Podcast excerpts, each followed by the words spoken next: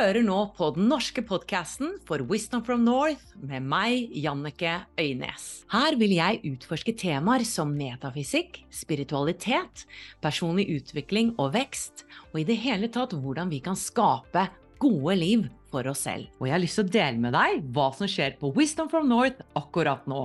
For hvis du har lyst til å våkne opp til mer av din sjelsoppgave gjennom den spirituelle reisen, så inviterer jeg deg til å bli med på live-webinar som skjer rett rundt hjørnet med meg. Og I dette webinaret så vil du få mer klarhet i hvordan sjelen din forsøker å få din oppmerksomhet.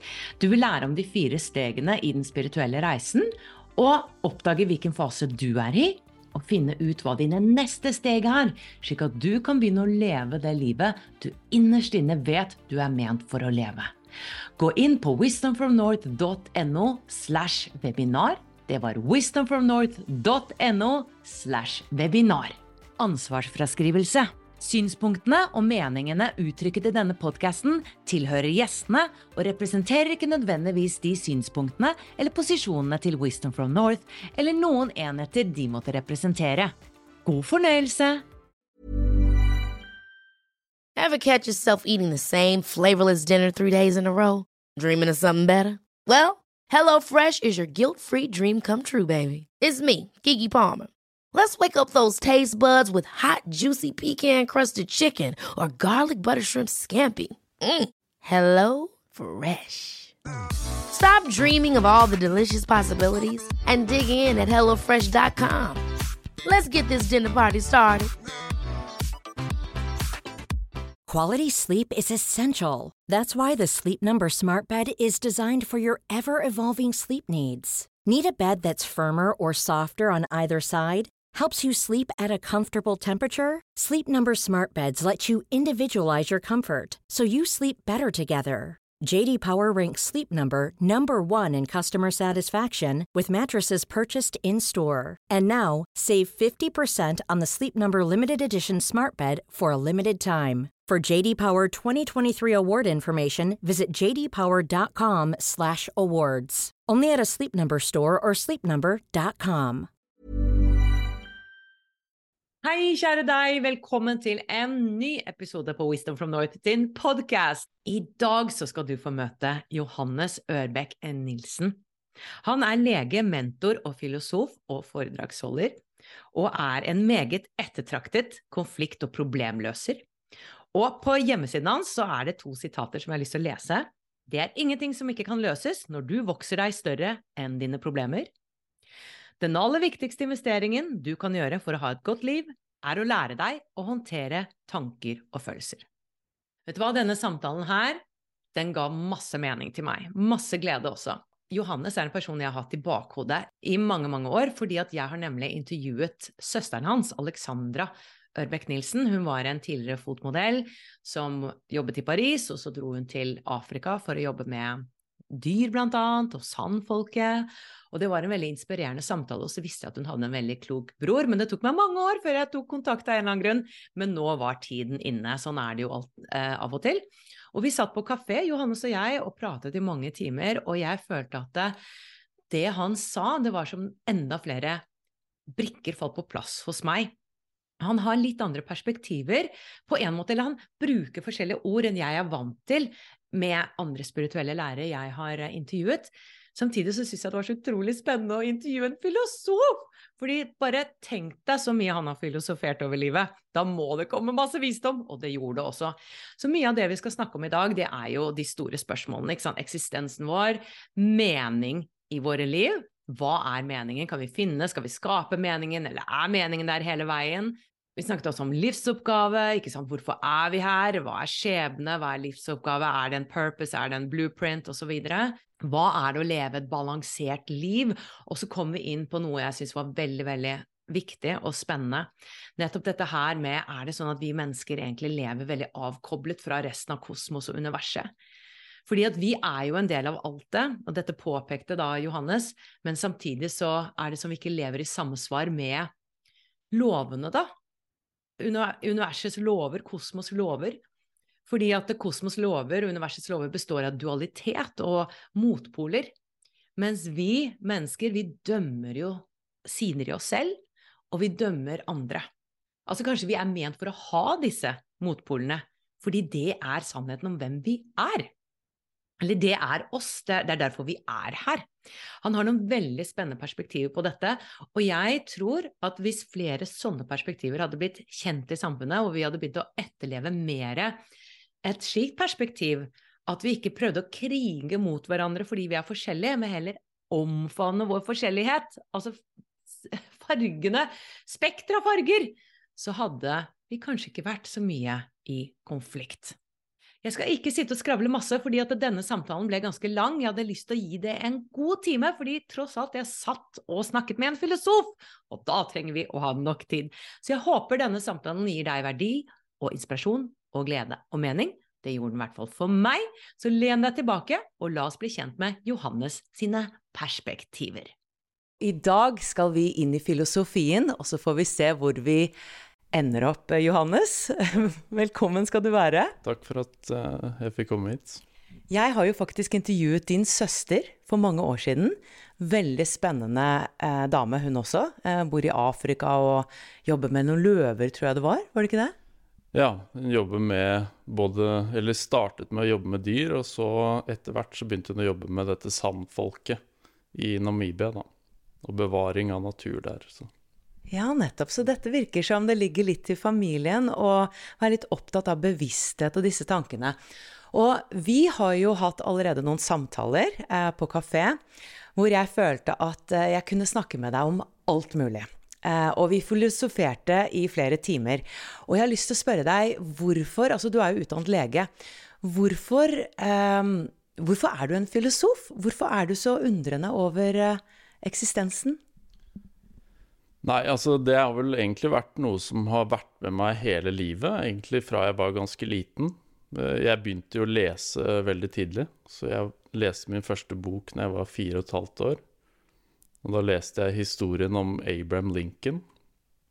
Og det var jo en bok som egentlig satte litt spor i meg, for da forsto jeg at samme hvor du kommer fra, så kan du få til det du ønsker. Det var noe jeg lærte av uh, han. Men uh, det var vel egentlig først etter jeg ble en tolv år at jeg begynte å se veldig mye oppover mot stjernehimmelen og stille litt større type spørsmål. Da. Sånn, er det noen ende? Om du ser enten opp eller ned eller til siden. Og det er type spørsmål som har egentlig bare fortsatt og fortsatt og fortsatt. da. Og så er det jo gjerne sånn at jo flere spørsmål du stiller, jo flere spørsmål blir det etter hvert. Og, men jeg tenker også at veldig mye av de store spørsmålene For det er mange som velger å stoppe å stille de store spørsmålene, men jeg tenker jo mye det at de store spørsmålene, når du stiller de, så er det ikke sikkert at du finner svar på de, eller finner helt konkrete svar. Men veldig ofte så kan det gi deg svar på veldig mange mindre spørsmål som vi har i vårt daglige liv. Så det er egentlig litt bakgrunnen for det. Ja, det gir mening. Um, og så ble jeg nysgjerrig hva du har funnet ut av. Det er klart jeg også opplever at jo mer spørsmål jeg har stilt, jo flere spørsmål får jeg. Um, du er litt opptatt av at vi lever litt avkoblet fra universet som mennesker. Kan du si litt om det? Ja, altså det her har jo gått litt i bølgedaler gjennom eh, menneskets historie. Men for det har jo vært tider hvor vi har levd mye mer tilknyttet til naturen og hvordan naturen fungerer, og levd mye mer harmonert med omgivelsene sånn sett. Men etter hvert som vi har fått vitenskapen og industrien og alle disse tingene her sånn, så har vi egentlig mistet mer og mer kontakt med hvordan naturen og universet opererer.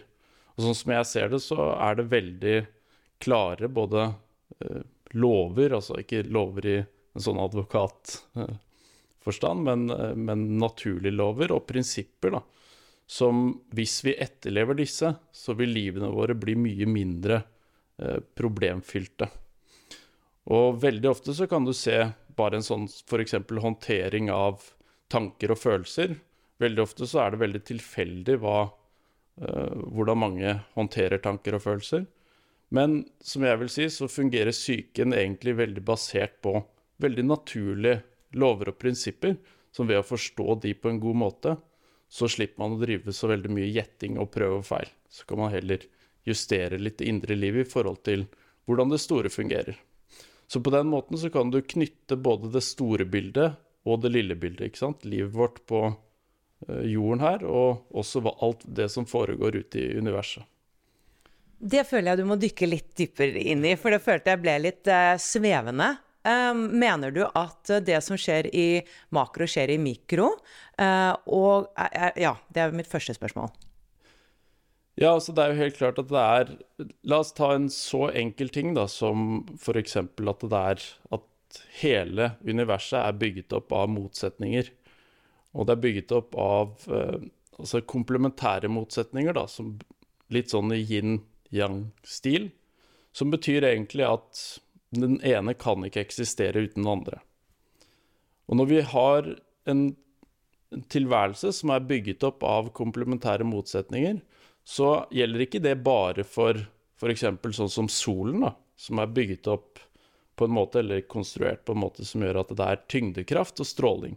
Det er de motsetningene som hele tiden jobber mot hverandre og med hverandre, som gjør at solen kan skinne. Og på, og på samme måte så har jo vi motsetninger inni oss selv. Vi har eh, det å være glad, vi har det å være trist, vi har det å være positiv, være negativ, være hensynsfull, være hensynsløs. Og når vi forsøker å kvitte oss med deler av oss selv, f.eks., så prøver vi å, å, å leve i disharmoni med hvordan universet fungerer.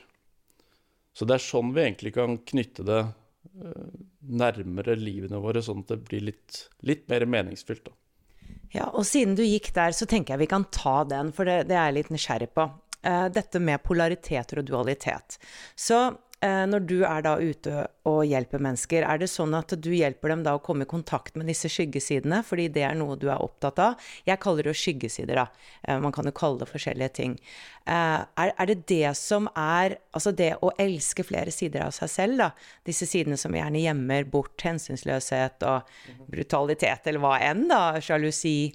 Handler det om å da elske dem, er det det du sier? Ja, altså dette er jo et veldig stort spørsmål, men, men åpenbart så, så, er det jo mye av det det handler om. Fordi alle mennesker har jo egentlig et veldig stort spekter med egenskaper som vi har egentlig arvet fra vår historie her på jorden med dyrene og alt mulig. Så vi har både hensynsfulle og hensynsløse sider. Vi kan være kjempesint, vi kan være glad, vi kan være snill med andre, vi kan være slem med andre. Og disse egenskapene er der av en grunn. De er ikke der for å plage oss, og de er i hvert fall ikke der for at vi skal prøve å kvitte oss med dem. Carl Jung eh, han snakket jo om eh, det han kalte for individueringsprosessen. Som egentlig handlet om at du skulle bevege deg fra å være et lite ego, eller det bildet du har av deg selv, til å vokse inn og integrere veldig mye av disse skyggesidene. For det er jo der mye av den skyggeterminologien kommer fra. Og Da skal du integrere alle de sidene, sånn at du kommer mye mer i balanse da, som et individ. Og Han sammenlignet for øvrig også selve, da, eller det han kalte selve, som er det totale av alt det du er. Det sammenlignet han også med solen for øvrig. Så hva betyr det å integrere disse sidene? Har du et, et eksempel på hvordan man integrerer en side? Uh, og kanskje hvordan en person vet at man ikke har integrert en side? Ja, altså Det som er veldig, veldig typisk, det er jo La oss si du f.eks. tenker om deg selv at jeg er bare en snill og harmonisk person, og jeg er aldri sint, f.eks. Og det som veldig ofte skjer da, er at du ofte møter på veldig mange sinte mennesker rundt deg i omgivelsene, som du prøver å distansere deg vekk fra. Så veldig ofte så er jo disse skyggene vi har, som altså for hver egenskap vi har, kaster av seg en skygge. Og hver egenskap som er denne skyggen, den vil dukke opp eh, gjerne hos andre mennesker over ting som vi enten forakter eller misliker. Jeg sier jo ofte sånn at de ting du misliker ved andre, det er ofte noe du misliker veldig sterkt ved deg selv. Og da peker egentlig den egenskapen du observerer hos den andre personen du er irritert på eller misliker veldig sterkt, den peker egentlig på en del av deg selv som du har et veldig anstrengt forhold til. Og for å lære å sette pris på en sånn type egenskap ved deg selv, så må du for det første se hva slags funksjon den har. Og se, ta f.eks. aggresjon. da. Så er positivt ved at du har aggresjon i deg? Og er positivt ved at du eventuelt uttrykker aggresjon til andre? For Hvis ikke du kan se det, så går du og skammer deg og har skyldfølelse hver gang du eksploderer. Og veldig mange pendler mellom det og holde ting inne, og så kommer den plutselige vulkanutbruddet som bare gjør ting mye, mye verre. Og så i etterkant av det så blir det ofte en kamp for å prøve å bare være snill og kompensere og gjøre ting godt igjen. Men det starter hele denne prosessen om og om igjen. I tillegg så vil jeg jo si det sånn at, eh, som jeg observerer, da, at veldig, veldig mange ganger når mennesker undertrykker aggresjon og gråt, så går de rundt med veldig, veldig mye muskelspenninger, særlig i nakkeregionen. Det er veldig, veldig vanlig. Og kan dette også relateres til romantiske forhold? At man gjerne tiltrekker seg en som har de skyggesidene som du ikke har integrert? Ja, absolutt. Altså, det er jo gjerne sånn at vi ser etter likheter, men vi tiltrekker oss motsetninger. Så i begynnelsen så virker jo alt likt. Da deler vi alle de samme interessene. Vi har eh, samme farge på øynene, vi liker alle de samme tingene. Og så blir du med på å gjøre veldig mye det første året som du egentlig ikke er så veldig interessert i.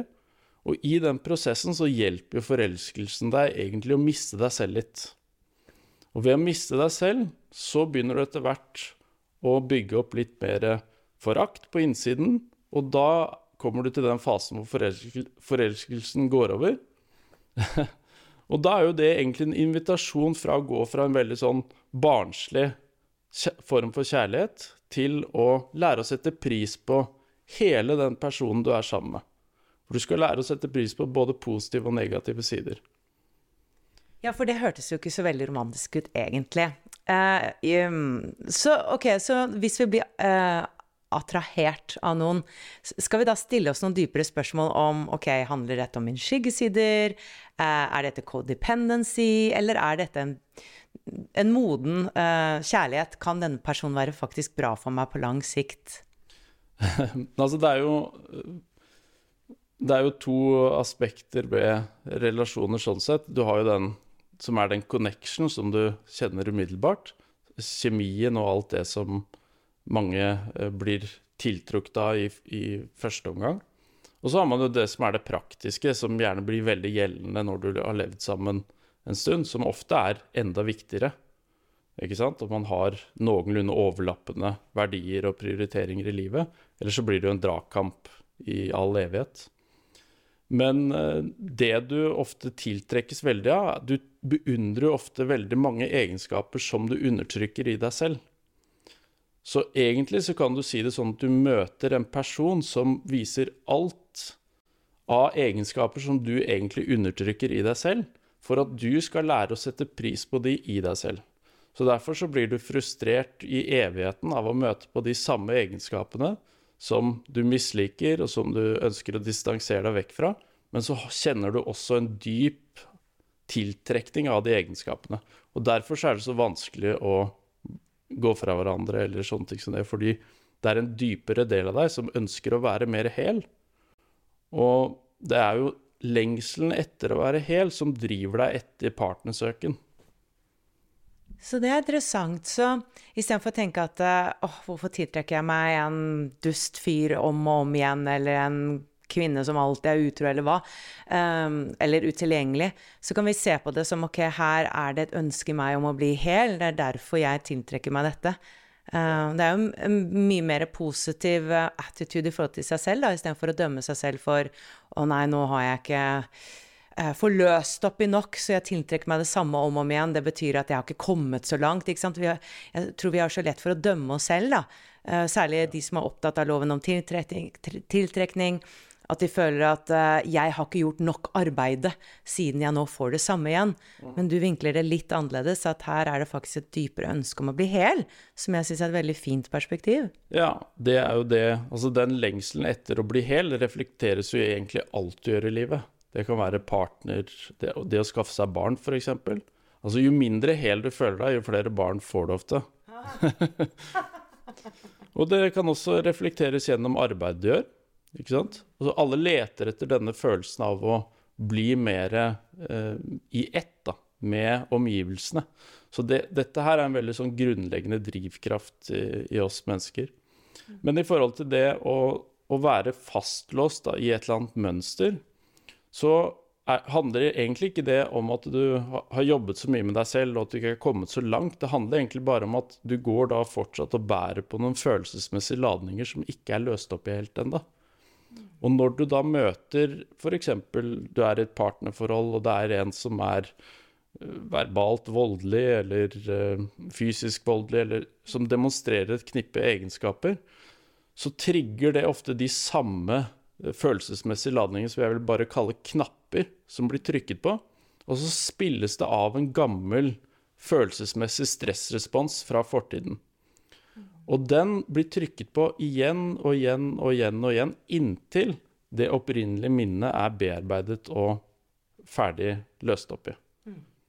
Og det som jeg ofte ser, da, at hvis jeg har jobbet med mennesker som har La oss si de har vært sammen med en alkoholisert partner, eller en som har vært eh, altså kontrollert i masse og dominert i, så ser jeg jo det at med en gang vi har jobbet litt sammen, og, og det handler jo egentlig om Så ser jeg OK, hvorfor har denne personen dukket opp i livet ditt? Det er for at du skal lære deg å, styrke deg mer opp, da.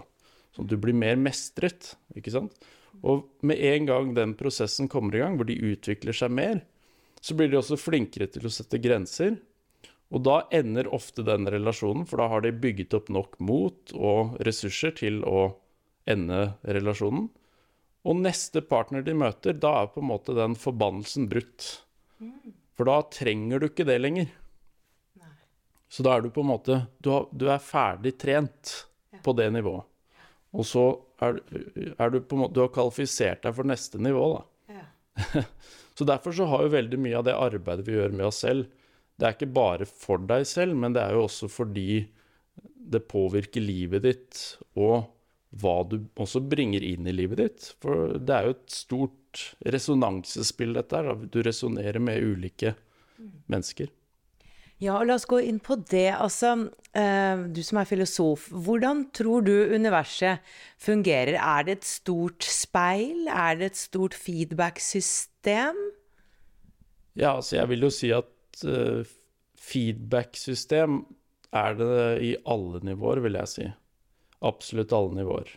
Og det, i og med at det er motsetninger som hele tiden veves sammen da, i, på alle nivåer, både helt fra kroppen vår til relasjoner til familier. Altså Du ser det på jordkloden til og med. ikke sant? Så har du visse mennesker som er dedikert til å gjøre én ting. Og så kan du garantere at du vil ha en motsatt gruppe som er dedikert til akkurat det motsatte. Og, og de motsetningene her sånn, de gjennomsyrer egentlig hele eh, universet og hele eh, vårt daglige liv. Og det er ikke der for å frustrere oss, det er rett og slett for å sørge for at vi hele tiden kan vokse og utvikle og komme opp med kreative løsninger på problemstillingen vi har i livet. Men hvis vi setter opp den kampen, vi skal fjerne den motsetningen Jeg vil ikke ha den motsetningen i livet. Så da har du de som er pro-abort, de som er anti-abort, de som er pro-miljø, de som er anti-miljø. Du har disse gruppene som kjemper mot hverandre, og så ser de ikke funksjonen av hverandre. Og så blir kampen mot vi må fjerne motparten. Og da ender det opp med å bli krig til slutt. Mm. Og det samme skjer jo på innsiden. Så du kan jo ha den kampen mot deg selv også, prøve å fjerne masse sider du skammer deg over eller har skyldfølelse over. Så har du kanskje ikke sett ordentlig funksjonen av disse egenskapene, og hvor viktig det er at du tar om bord i livet for at livet ditt skal bevege seg i den retningen du ønsker. Og da blir jo den indre krigen eh, blir jo en veldig eh, dramatisk reise for mange, da. Men igjen så vil jeg si det sånn at eh, veien til visdom er også fylt av veldig mye ekstremer. Så derfor så må du ofte oppleve veldig mye ekstremer i livet for å ende opp på Eller ende opp med mer visdom. Og jeg vil jo si det sånn at det er to ting i livet du aldri kan miste. Og det er visdom og kjærlighet. Alt annet kan forsvinne. Spennende. Um, ja, for jeg har alltid tenkt at når det er krig på innsiden, så blir det krig på utsiden. Uh, at alt har et speil. Og jeg, jeg tror det er, det er, jo en tanke som ikke er så utbredt i, i vårt samfunn at uh, vi skal akseptere begge sidene. Fordi vi hører jo at vi skal bli kvitt ting. ikke sant? Vi skal bli kvitt et problem, vi skal løse et problem. Krig mot kreften, ikke sant. Det er, det er krig mot så mye. Og jeg så et innlegg du hadde på Facebook hvor du stilte spørsmål rundt dette her med å leve et balansert liv. Og, og du filosoferte litt rundt det. Kan du si litt om hva dine tanker er om å leve et balansert liv? ja, balansert liv er i hvert fall ikke å prøve å dysse ned alt, sånn at det bare er helt i vater hele tiden, det er ikke balans, balansert liv. Det vil heller ikke si at du skal ha en total 50-50 balanse mellom det å jobbe og det å være sammen med familien, f.eks. Så det, det, er å ta det å leve balansert for langt. Det jeg vil si, er at det viktigste, altså et balansert liv, vil si at du finner det å leve en balanse mellom ubalanse og balanse. Så du korrigerer egentlig mye mer for ubalanser i livet ditt. da. Så når du beveger deg mot ekstremer, så gjenkjenner du OK, her er det en ekstrem. Bringer den tilbake. Da gjør du det heller selv, istedenfor at hendelser og personer rundt deg hele tiden må korrigere deg. For det er ofte det som skjer. Kan du gi et eksempel på det? Eh, la oss si du for eksempel, altså Det enkleste eksempelet på det er jo en som jobber et eller annet sted. da, Som bare vil være positive hele tiden. Og så kommer de på jobben og så bare Yes, i dag er det mandag! så kommer de, ikke sant? Og da vil jo med en gang De tiltrekker seg da motparten, som da vil på en måte kutte de ned, ikke sant? Og så begynner den kampen som sier å, men herregud, hvorfor kan jeg ikke bare være positiv hele tiden? Og alle disse negative menneskene de må jeg kvitte meg med i livet. ikke sant? Så ser du ikke at det er egen måte å være på som ofte bringer inn de som hater den positive siden.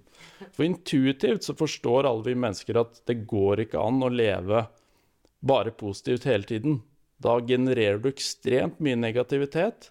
Ikke bare i forhold til deg selv, fordi du kommer til å hate deg selv hvis du bare prøver å være positiv hele tiden. Men de såkalt veldig positive menneskene, de er jo veldig negativt orientert til alle de negative menneskene. ikke sant? Ja, men hva med loven om tiltrekning som sier at likt tiltrekker likt? Altså hvorfor tiltrekker ikke den personen seg masse positive mennesker? Altså du kan jo si det sånn, altså du tiltrekker deg likt fordi du søker etter likt, vil jeg si. Så du søker etter likt.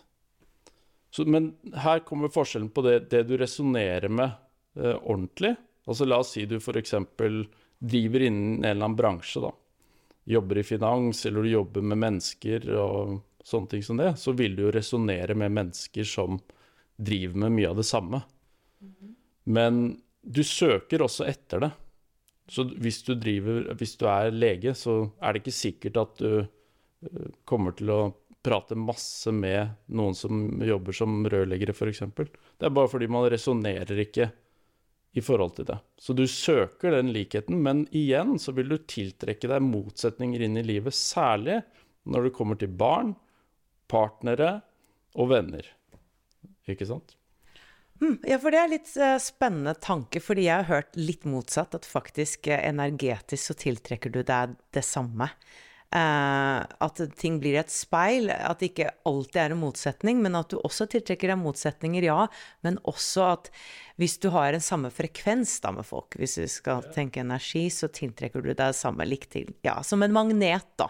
At du bare dras til deg de som er på samme frekvens, da. Ja, men hvis det skal være magnet, så må det være motsetninger, ikke sant? Så skal det være magnet, så må du ha en plusspol og en negativpol. men, eh, for, altså sånn, så, så, det er åpenbar resonnering her. Men den tiltrekningskraften den er ikke like sterk som motsetninger som tiltrekkes. For det vil du se at hvis du La oss si du bygger opp et selskap da, eller et firma, og så har du masse mennesker i det selskapet. Så kan du garantere at du vil få ulike personligheter. Dynamikken der blir fullført. Da. Så du har en som er ordnet, en som er uordnet. Ikke sant? Det er en som alltid kommer til tiden, og så er det alltid en som kommer for sent. Ikke sant? Så har du en som overpresterer, og en som underpresterer. Dette er jo ting jeg har sett veldig mye når jeg har jobbet med mennesker i, som driver ulike selskaper og businesser og sånne ting som det. Så har de som regel alltid en, en som overpresterer, som gjerne lederen ser veldig opp til og blir kjempefornøyd med. Men så har de et veldig anstrengt forhold til den som er den underarbeideren, da. Og de henger jo egentlig ganske tett sammen. da. Så jeg vil si det sånn at disse motsetningene de er operative egentlig gjennom hele, hele livet. da. Og har en veldig, veldig sterk eh, tiltrekningskraft sånn sett. For bare tenk på de største utfordringene du har, er jo gjerne ikke mennesker som er lik deg selv. Og det er ikke de du lærer mest av heller. Du lærer stort sett mest av de du er mest ulik. For de tvinger deg til en endring som du kanskje intuitivt skjønner at du trenger, men som du egentlig ikke vil ha. Kjenner at jeg vet ikke helt om jeg liker dette her.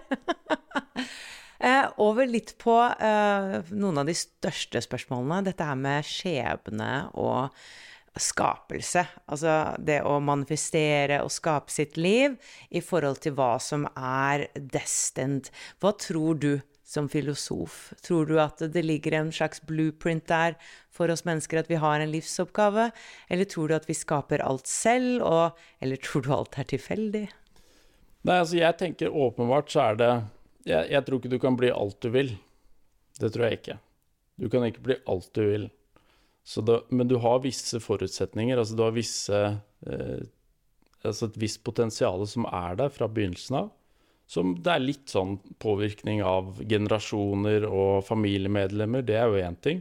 Men det kan også være en dypere, et eh, dypere potensial, da. Som, hvis man skal gå litt mer inn på eh, Som jeg tenker at Jeg tenker jo ikke at vi er født med en sjel, men at vi er født som et sjelefrø.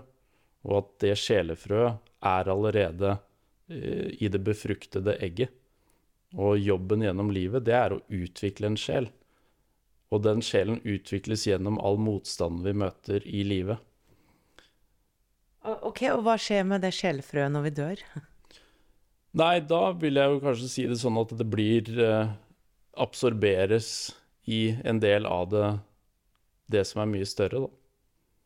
Sjelefrø, vil Si at vi er Du tror eller mener at vi er intet før vi er eh, Ja, et embryo. Er et eh, Nei, jeg tenker vel et egg. Er, jeg tenker ikke at vi er intet. Jeg tenker mer at Altså, jeg tenker jo ikke så mye. Jeg er litt mer sånn som han eh, som heter Alan Watts sier, da, at vi egentlig Vi blir ikke født inn i denne verden, vi kommer ut av den.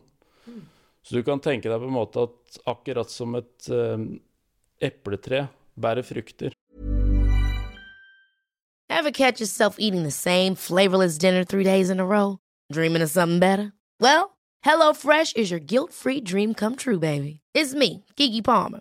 Let's wake up those taste buds with hot, juicy pecan-crusted chicken or garlic butter shrimp scampi. Mm. Hello Fresh. Stop dreaming of all the delicious possibilities and dig in at HelloFresh.com. Let's get this dinner party started.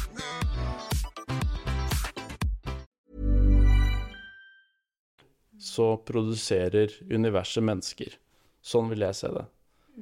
Så da er du på en måte en utvekst av det store og det hele, mer enn at du bare blir plassert pladask her på jorden. Så du, du inneholder mye mer av det hele i deg enn det du kanskje tror.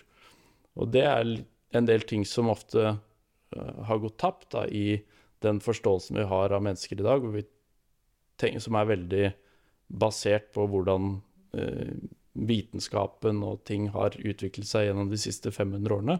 Og det er jo på en måte at det er veldig mye tilfeldigheter, og du er bare tilfeldig havnet her på jorden, og du må egentlig bare skape din egen mening selv. Og det tenker jeg er eh, ikke helt sånn, da. Nei. Uh, Tror du at du som Johannes da eh, fortsetter din eksistens som Johannes? Altså at eh, en personlighet vil fortsette? Eller at du, som du sa, absorber absorberes bare og mister på en måte din identitet? Altså For å bruke en litt sammenligning, så vil jeg jo tenke det sånn at hvis du ser for deg en elv, da, så renner denne elven, eh, og så midt i den elven så kan det dukke opp noen form for motstand, og så dukker det opp en virvel i det vannet. Jeg tenker jo at vi er mye mer en sånn type virvel som opprettholder en eksistens eh, i en periode, så lenge vi er bundet i, i kroppen. Og så kommer det et punkt hvor den virvelen blir en del av vannflyten igjen. Da.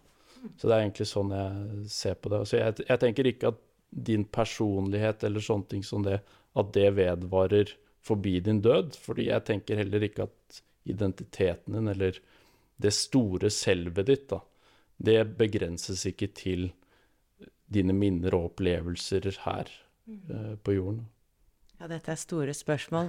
Det har jo vært mye nær døden-opplevelser. Eh, som eh, Jeg har gjort en del intervjuer rundt det. Syns det er veldig interessant hva folk eh, opplever på den andre siden. Og jeg forsøker nå å lage en podkast om det, men eh, jeg kjente at det kommer til å bli veldig mange episoder. Fordi at det er så mye å si om det. Og, og så tror jeg også at vi har veldig subjektive erfaringer og opplevelser. Eh, Så det er vanskelig å få et helhetlig bilde av noe som helst, er min oppfatning. Fordi jeg føler at vi har egentlig bare ulike perspektiver. Kan du si litt om det var dine tanker om hva som er sannhet? Fordi at det, sannhet for meg er jo og altså, jeg ser jo ting herfra nå, og du ser det derfra. Så kan vi noen gang finne en slags sannhet? Ja, altså jeg tenker jo at uten en form for sannhet i universet, i det store og det hele, så ville vi egentlig vært ganske fortapt. Fordi vi orienterer livene våre veldig basert på det at noen ting er mindre eh, ekte, og ting er mer falskt. Vi snakker om det ofte i relasjoner og sånne ting som det, og det er en veldig ekte relasjon. Og da er det ofte basert på at vi er veldig ærlige med hverandre. Mens du kan leve i en veldig falsk relasjon hvor det bare er kunstig harmoni. Og da vil vi jo gjerne beskrive det. Den her er falsk, dette her er mer sant. Ikke sant? Så jeg tror at sannhet er noe som hele tiden Altså for det første er det et veldig stort spørsmål som vi nesten Jeg tror ikke vi greier å dekke det i dag, men, men det er noe som hele tiden er i utvikling. Så jeg kan f.eks. aldri si sannheten. Det går ikke an. Og det er en typisk måte som eh, For vi har jo to hjernehalvdeler. Og venstre hjernehalvdel er veldig har en type oppmerksomhet som ofte gjør ting svart-hvitt. Vil ofte gjøre ting veldig konkret. Vil uh, gripe ting, manipulere ting, ta tak i det. Mens høyre hjernehalvdel har gjerne en mye mer helhetlig forståelse av ting og tenker mye prosess. Det er mye mer både og. Det er jo advokatenes mareritt. Ikke sant. Så, men uh, Nei, så jeg tenker det er um, mm. Det er i utvikling. Ja, det er hele tiden i utvikling, og det er aldri noe som er fastlåst. Da. Det er jo mange filosofer som har snakket om ulike tilnærminger til uh, Uten at vi kanskje går inn i alle de tekniske detaljene rundt sannhet, så er det jo noen som har snakket om at det handler egentlig om å avsløre. Altså det å avsløre. Du avslører mer og mer, da.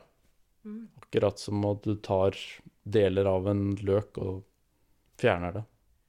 avslører sannheten om universet, på en måte. Eksistensen vår. Ja, og så er det ikke sånn at sannhet er noe som er fullstendig frakoblet oss. Det er ikke sånn at her sitter vi, og så er sannhet der ute. Vi deltar på mange måter i det som er sannhet, som jeg vil også si overlapper veldig med en dypere form for kjærlighet, da, som, som jeg vil si er operativ i hele universet. Ja, nettopp. Og du snakket om visdom og kjærlighet, ja. Um, hva vil du si til de som føler en tomhet? Det er mange mennesker som opplever meningsløshet, spesielt i Skandinavia, faktisk, selv om vi har så mye på plass. Hva vil du si om det? Igjen så er det et spørsmål som egentlig åpner opp et stort kaninhull, for å si det sånn. Men eh, den kortversjonen av det er at det har ikke bestandig vært sånn. Den meningsløsheten det har ikke bestandig vært sånn. Det har veldig mye også hva slags type kultur og hva slags verdenssyn vi lever i. Og la oss si fra år null til år 1000 så var, var det et helt annet rammeverk i forhold til hvordan vi forsto oss selv som mennesker, og også hva det vil si å leve her på jorden. Mens det har blitt endret mer og mer eh, jo mer vi også har fått inn mye av den vitenskapelige måten å tenke på. For det, vitenskapen er jo fantastisk på, på sitt felt, men når den måten å se verden på, som ofte er en frakoblet måte å observere ting på, ikke sant? For du skal gjøre eksperimenter, finne ut hva er det som er objektivt sant der ute. Den måten den fungerer ikke så veldig godt i våre liv. For det er også igjen veldig knyttet opp mot hvordan de to hjernehalvdelene fungerer. Så høyre hjernehalvdel kan oppleve mening, mens venstre er ikke i stand til å oppleve mening. Så en person som opplever veldig mye tomhet og, eh, og meningsløshet, vil jeg si at da er det ofte et veldig ubalansert forhold mellom høyre og venstre hjernehalvdel. Så det kan du lære deg å endre. Og vi kan jo eventuelt komme litt inn på hva mening er i utgangspunktet, da. Ja, ja, jeg hadde tenkt å spørre hva er meningen med livet? Det er den største klisjeen, eller det største spørsmålet også. Men eh, hva slags tanker du har om det, ja? Nei, altså jeg tenker jo For det første så tenker jeg ikke at det er én mening med livet. Eh, jeg tenker jo at det er meninger med livet. For det kan jo være meninger som du har eh, om ditt liv. Men så har jo livet ditt også en mening i mange andres liv. Så når mange mennesker tenker at jeg kjenner at jeg ikke har noe mening, ting er meningsløst, så er du bare ofte ikke fornøyd med innholdet i livet ditt. Det harmonerer ikke med hva du kanskje egentlig har sett for deg at det skal være. Fra du var barn, f.eks.? Ja, f.eks. fra du er barn, eller det kan være nå så har det dukket opp et eller annet sammenligningsgrunnlag da, som gjør at meningen ikke eh, oppstår. Og her er det ikke noe sånn Jeg tenker overhodet ikke at mening er noe vi skaper. Det er ikke noe du kan skape selv. Det tror jeg er en total misforståelse av hva mening er. Det du kan gjøre, er at du kan sette i gang med aktiviteter som resonnerer og harmonerer mye mer, mer med hvem du er. Og møtet ditt med de aktivitetene, det, det, fyller deg med mening. Så jeg vil si at det er to ting som fyller deg med det nå. Det er kjærlighet og mening. Det er ikke noe du skal skape selv. Det er noe som har dukket opp fordi vi har tenkt at hele universet, hele verden vi lever i, den er egentlig meningsløs. Og så er vi stakkars sjeler fortapt her på jordkloden, og så må vi skape vår egen mening selv. Jeg er jo en helt annen oppfatning. Jeg tenker jo at mening er dypt iboende i universet. Og når vi ikke er harmonerer da, med hvordan universet fungerer, så vil vi oppleve meningsløst, meningsløshet egentlig som en tilbakemelding som skal hjelpe oss tilbake til mening. Fordi det er ikke sånn at vi ville hatt mening uten meningsløshet heller. Så meningsløshet er ikke uh, forgjeves. Og det er faktisk noe som har en veldig viktig funksjon i livene våre. Ja, for det er nesten et symptom som viser deg du er på feil vei, bort fra deg selv? Rett og slett. Med en gang du gjør ting som er altså, naturlig viktig for deg, så er mening et spontant fenomen. Bare tenk deg hvis du har stått på eller vært, hatt en kjempefin naturopplevelse eller hatt en veldig meningsfull samtale. Det er ikke sånn at du sitter da OK, nå sitter jeg her og skaper meningen med livet mitt. Du blir fylt av en form for mening da, som eh, du egentlig ikke har noe kontroll over. Du, det eneste du kan gjøre, er at du kan stemme deg selv akkurat som et musikkinstrument. Så du kan stemme deg mer, sånn at du harmonerer med både hvem du er, og de tingene du gjør. Og da er mening en bivirkning.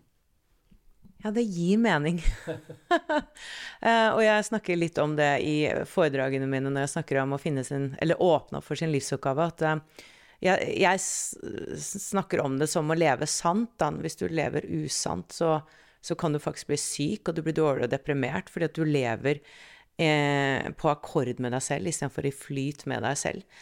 Eh, og jeg tror også min depresjon for 20 år siden handlet om det. At det var Det samsvarer ikke med hva som er inni oss. Og det er jo veldig positive nyheter, fordi det vil si at vi har så enormt potensial inni oss. Og vi er så forskjellige og unike. Og det, det er jo vår individuelle oppgave å å oppdage hva det er, da. Og det, det, tror jeg i samfunnet at uh, det er ikke så mye fokus på det. det. det. er fokus på å gjøre en der ute og snakke med masse eksperter og tenker sånn karriereveileder og sånn, men hva med å uh, kultivere denne uh, oppmerksomheten rundt hva er det jeg kom med av gaver og talenter inn i dette livet, da?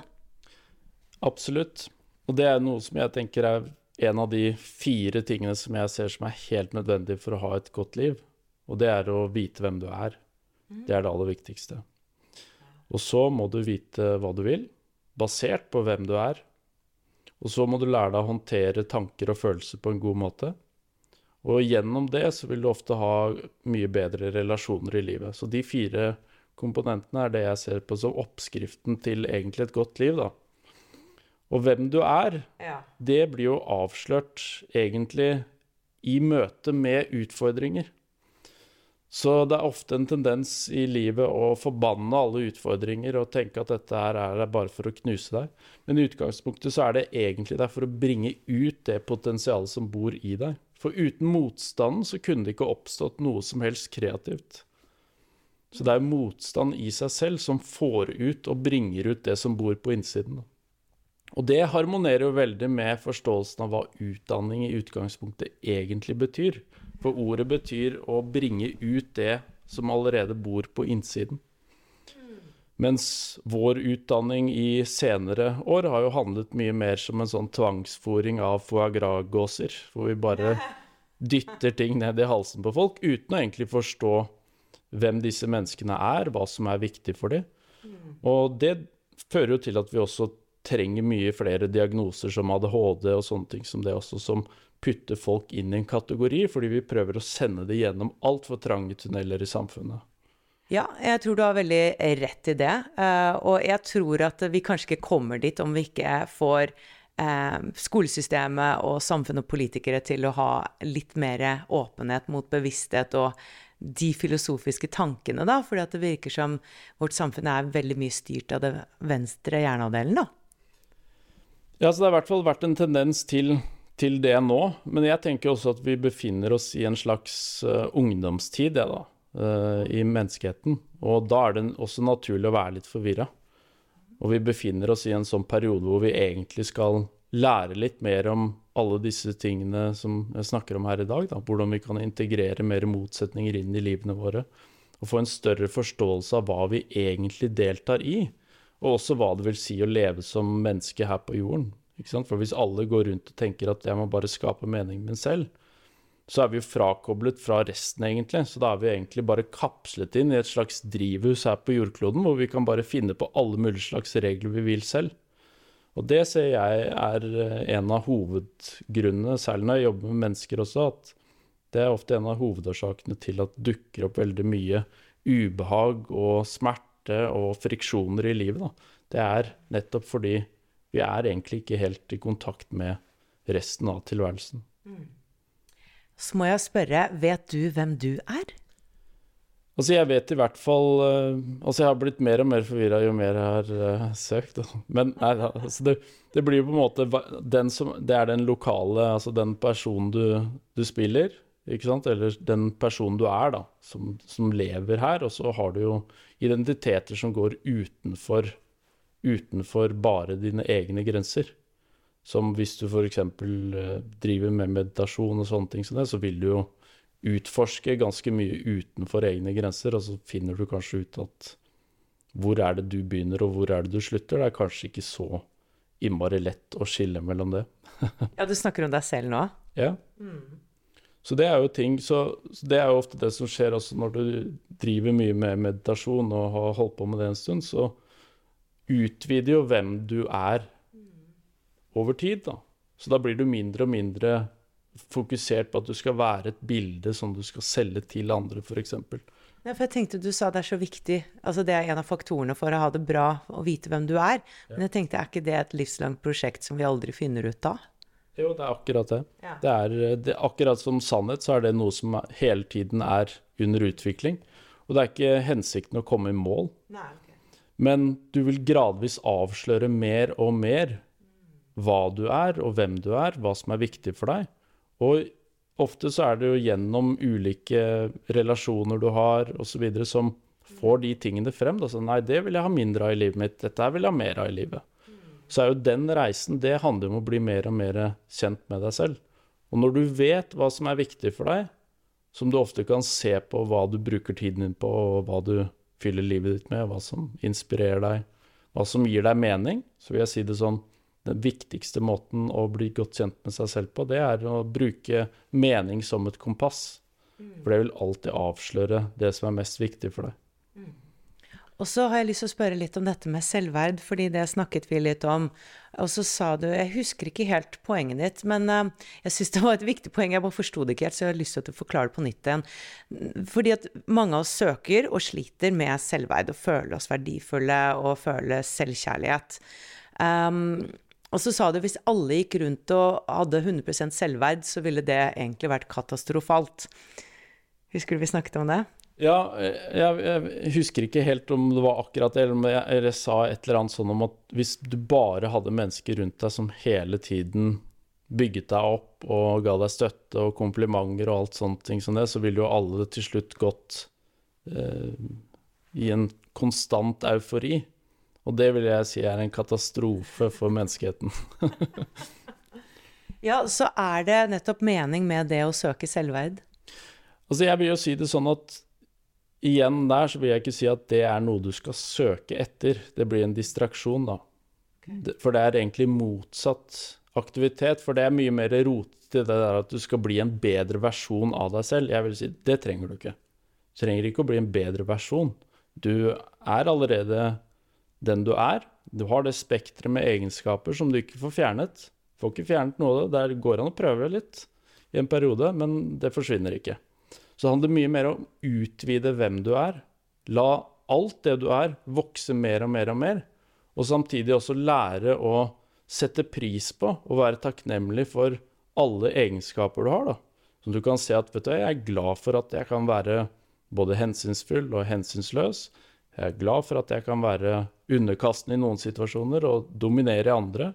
Jeg er glad for at jeg kan være aggressiv, jeg er glad for at jeg kan være fredfull. Det vil skape en mye større grad av integrering i deg selv, og da blir selvtillit, selvverd, selvfølelse, alt det, det blir mye mer et spontant fenomen. Da.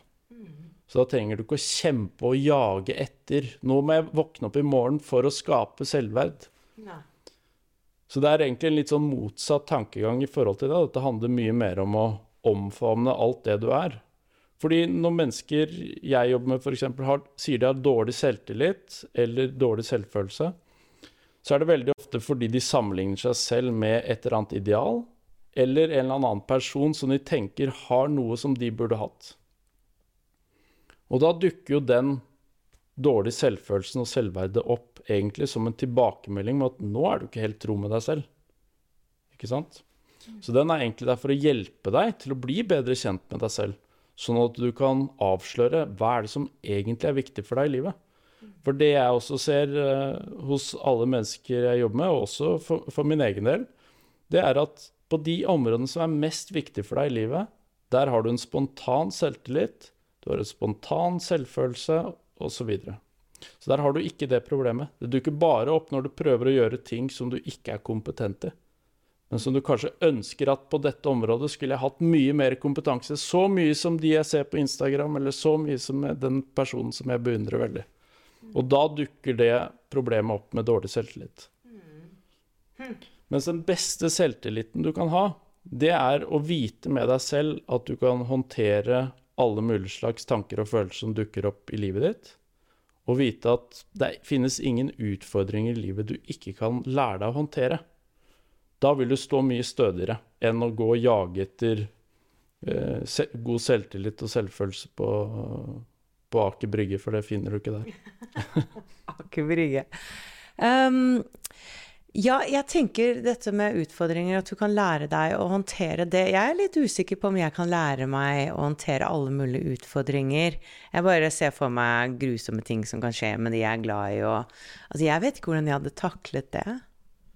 Nei, ikke sant. Og da er det jo nettopp en sånn type Det er jo noe som avslører litt de punktene som kanskje trenger noe mer vekst og utvikling. For det er noe vi alle kommer til å oppleve på et eller annet tidspunkt uansett. Vi vil alle miste noen. Vi vil alle oppleve skuffelser. Vi vil alle oppleve tragedier. Alle disse tingene. Det er jo en, en velkjent del av livet. Uh, og det må vi også lære oss å å, håndtere på en god måte. Og også kunne greie å skape noe mening ut av det. For alternativet er jo veldig, veldig dårlig. Det er jo å gå rundt og ikke se at det kommer noe ut av de fæle tingene som skjer. Og hvis du hadde spurt de menneskene som La oss si mennesker som går bort, da.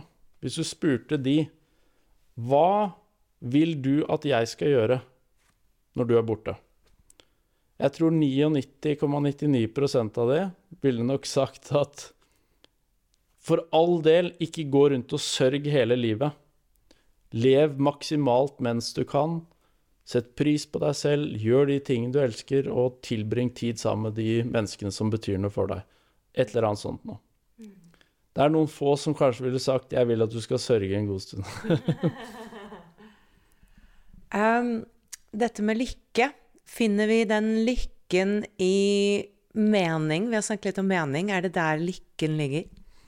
Jeg vil, jeg vil si det sånn at det er forskjellig Altså lykke Det er veldig vanlig å jage etter lykke, men jeg vil si at lykke og tristhet de går hånd i hånd gjennom livet.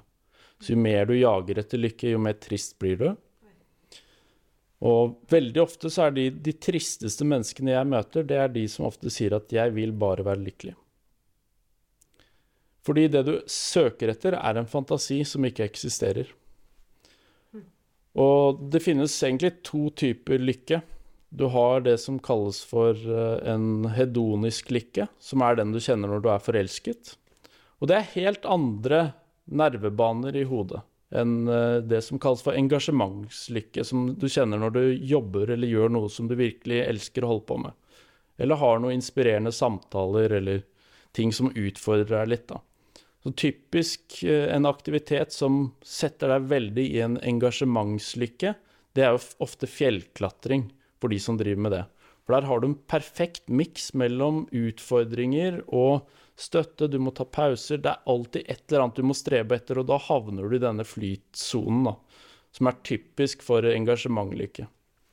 Mens den hedoniske lykken, den er mye mer basert på rent velbehag, og kan kunstig stimuleres med morfin, f.eks. Så det sier jo at det er egentlig mye mer enn rus, da. Men når vi egentlig uh, vil, uh, eller ønsker å være lykkelig, så tenker jeg at vi egentlig snakker mye mer om, eller det vi egentlig leter etter, er å leve et mye mer meningsfylt liv. Vi vil ha mening. For det er noe som jeg ser at det er det eneste som kan bære deg gjennom livet, er mening. For det er det eneste som kan rettferdiggjøre all mulig ubehag og lidelse som du møter på din vei. Da.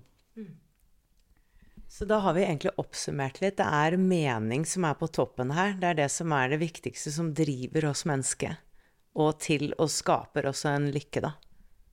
Ja, altså jeg, jeg vil jo si det sånn at uh, hvor meningsfylt mange mennesker beskriver livene sine, det handler om hvor ofte de befinner seg i engasjementlykke, og hvor ofte de blir fylt av mening og kjærlighet. Mens den derre hedoniske lykken, da, som er mye mer sånn rusbasert, det er bare krydder på måltidet på veien. Et siste spørsmål. Hva er visdom for deg? Visdom er i hvert fall ikke informasjon, og det er ikke kunnskap. Eh, jeg vil si det sånn at uh, Altså, kunnskap, det handler om å legge til. Du legger til mer og mer og mer, og dette var nok et bidrag, nok et bidrag. Mens visdom, det handler mye mer om å trekke fra. Og da vil jeg si det sånn at sann visdom, det er vel egentlig å forstå at du er ingenting. Den var dyp. Hva legger du i det? 'Jeg er ingenting'? Nei, det vil jo si at du forstår at du er ingenting, men ved å være ingenting, så blir du alt. Og det vil jeg si at sann kjærlighet er, da. Det er å forstå at du er alt. Jeg er alt og ingenting. Yes. Og det er universet òg? Jeg vil si at uh, fra et matematisk perspektiv så vil jeg si at universet blir til på grensen mellom null og uendelig. Du mener ikke at jeg ikke er noe ting? Det er ikke det du sier? Ingenting? Eller sier du at det er et paradoks her at uh, jeg eksisterer, og så eksisterer jeg ikke. Jeg, jeg, jeg må ha litt mer kjøtt på beinet her. ok, så når du har befunnet deg i kanskje noe av de, de mest meningsfulle opplevelsene du har hatt i livet, da. Har du tenkt at du er en person da? Nei, det er vel bare en opplevelse av å være, eksistere. Ja. Så, så, da tenker du ikke på deg selv som en spesiell ting, eller 'nå sitter jeg her som et menneske eh, her på jorden'. Så da er du, du, befinner, du er mye mer i ett med omgivelsene, da. Ikke sant? Men hvis du forstår at du er egentlig ingenting, så, så, så tar du deg ikke selv så veldig seriøst. For da har du ikke så veldig mye å bevise, og du har heller ikke noe å overbevise andre om heller. Snakker du om oneness her, egentlig? At vi er ett med alt? Altså en av de universelle lovene som sier det? Altså, jeg tenker at vi, vi er både ett og mange, tenker jeg. Ja. Kombinasjonen av de to. For vi kan si at vi skal bare bli ett, men prøv å leve det ut i et parforhold, det går ikke. Nei. Ikke sant? Så vi er både én og mange, vil jeg si. Og derfor så trenger vi både det å være ikke noe og være alt. Og livet blir på en måte det som skjer mellom de to ytterpunktene.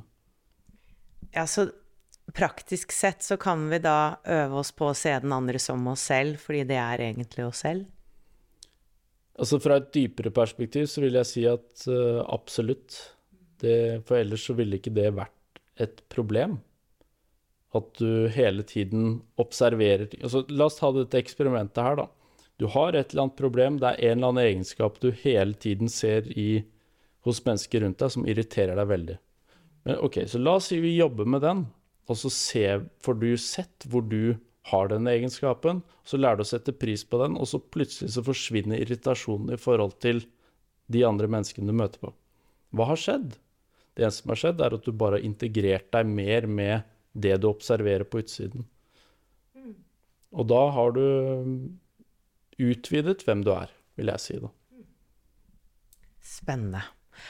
Har du noen siste ord, uh, visdomsord, du har lyst til å dele i dag? Altså, jeg vil jo si kanskje noe av det aller viktigste for å få et bedre indre liv, det er å lære seg å, å lære seg hva du kan kontrollere i livet. Det er det mest grunnleggende. Å forstå at det eneste du kan gjøre noe med, er din egen oppfatning og valg du tar. Og det å bli flink til å bruke mindre og mindre tid på ting som du ikke kan gjøre noe med, det vil være en ganske stor kursendring i livet når du lærer det. For jeg sier det sånn at alle vi mennesker vi har til felles, vi blir alle kastet ut på motorveien uten noe opplæring i hvordan vi skal håndtere tanker og følelser. Det er veldig tilfeldig. Og om noe går galt, så er ikke det så krise, for det er ingen av oss som har fått noe opplæring. Så jeg vil jo si det sånn at uh, det er uh, veldig viktig å ikke kvitte seg med, eller prøve å kvitte seg med noen sider ved seg selv. Lære å sette pris på absolutt alle sider ved deg selv.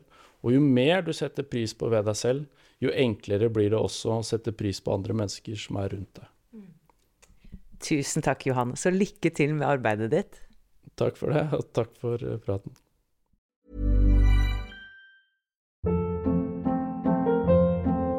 Hold up. What was that? Boring. No flavor. That was as bad as those leftovers you ate all week. Kiki Palmer here, and it's time to say hello to something fresh and guilt-free. Hello Fresh. Jazz up dinner with pecan-crusted chicken or garlic butter shrimp scampi. Now that's music to my mouth. Hello Fresh. Let's get this dinner party started. Discover all the delicious possibilities at hellofresh.com.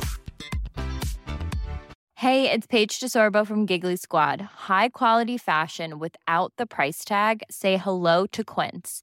I'm snagging high-end essentials like cozy cashmere sweaters, sleek leather jackets, fine jewelry, and so much more. With Quince being 50 to 80% less than similar brands. And they partner with factories that prioritize safe, ethical, and responsible manufacturing. I love that. Luxury quality within reach. Go to quince.com slash style to get free shipping and 365 day returns on your next order. Quince.com slash style.